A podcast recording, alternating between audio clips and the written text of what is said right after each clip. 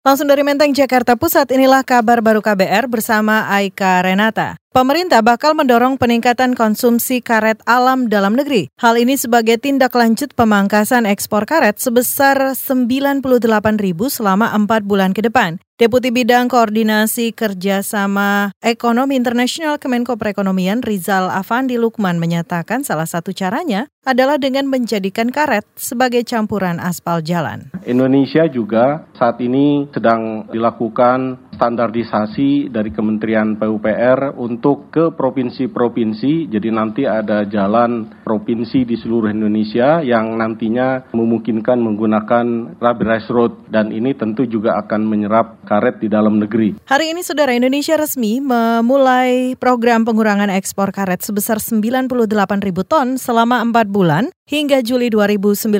Program ini merupakan hasil kesepakatan tiga negara yakni Indonesia, Malaysia, dan Thailand yang bertujuan untuk menjaga harga karet. Total pengurangan ekspor dari tiga negara tersebut mencapai 240 ribu ton.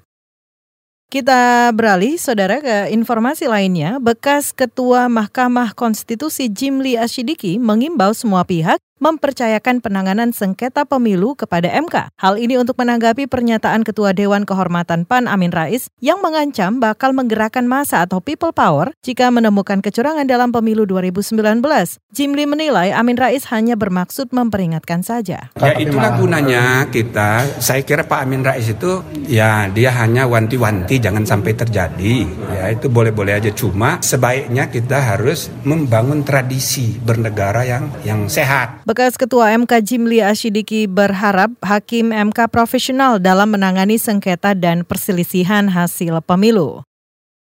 Kita menuju ke satu informasi lainnya. Sidang perdana gugatan sembilan pengusaha kota Palu korban penjarahan pasca bencana gempa dan tsunami ditunda hingga 22 April mendatang. Hal ini lantaran pihak tergugat pertama yakni Presiden Joko Widodo ataupun perwakilannya tidak hadir pada sidang hari ini yang digelar di Pengadilan Negeri Kelas 1 Palu. Ketua Tim Kuasa Hukum Penggugat Muslim Mamulai kecewa dengan penundaan tersebut. Kami juga tambahkan seharusnya selaku tergugat satu dalam hari ini Presiden Republik Indonesia selaku warga negara yang baik kan seharusnya harus hadir pada saat sidang pertama minimal dia harus mengirim kuasanya.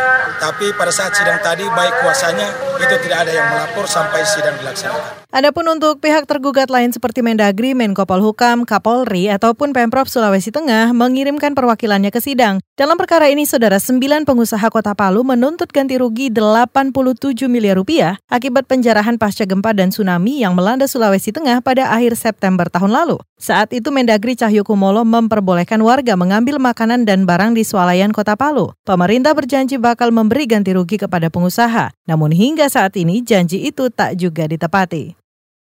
Kita ke satu informasi dari mancanegara, saudara. Kali ini Badan Pemeriksa Keuangan BPK menduga ada kerugian negara dalam kegiatan ekspor minerba di empat negara, yakni India, Cina, Korea Selatan, dan Jepang. Hal itu dikemukakan anggota BPK Rizal Jalil sebagaimana dikutip dari Antara. Rizal mengatakan BPK menemukan perbedaan data jumlah komoditas minerba yang diekspor dengan jumlah yang diterima negara tujuan. Contohnya, ekspor minerba di uh, ke India tercatat sebesar 174 juta ton, tapi di data impor negara itu tercatat sebanyak 197 juta ton. Artinya ada selisih sekitar 23 juta ton. Rizal mengaku telah melakukan pemeriksaan baik di dalam ataupun luar negeri untuk mengungkap kejadian tersebut. Ia berjanji bakal membahas hal ini dengan Kementerian Keuangan serta Ditjen Bea Cukai.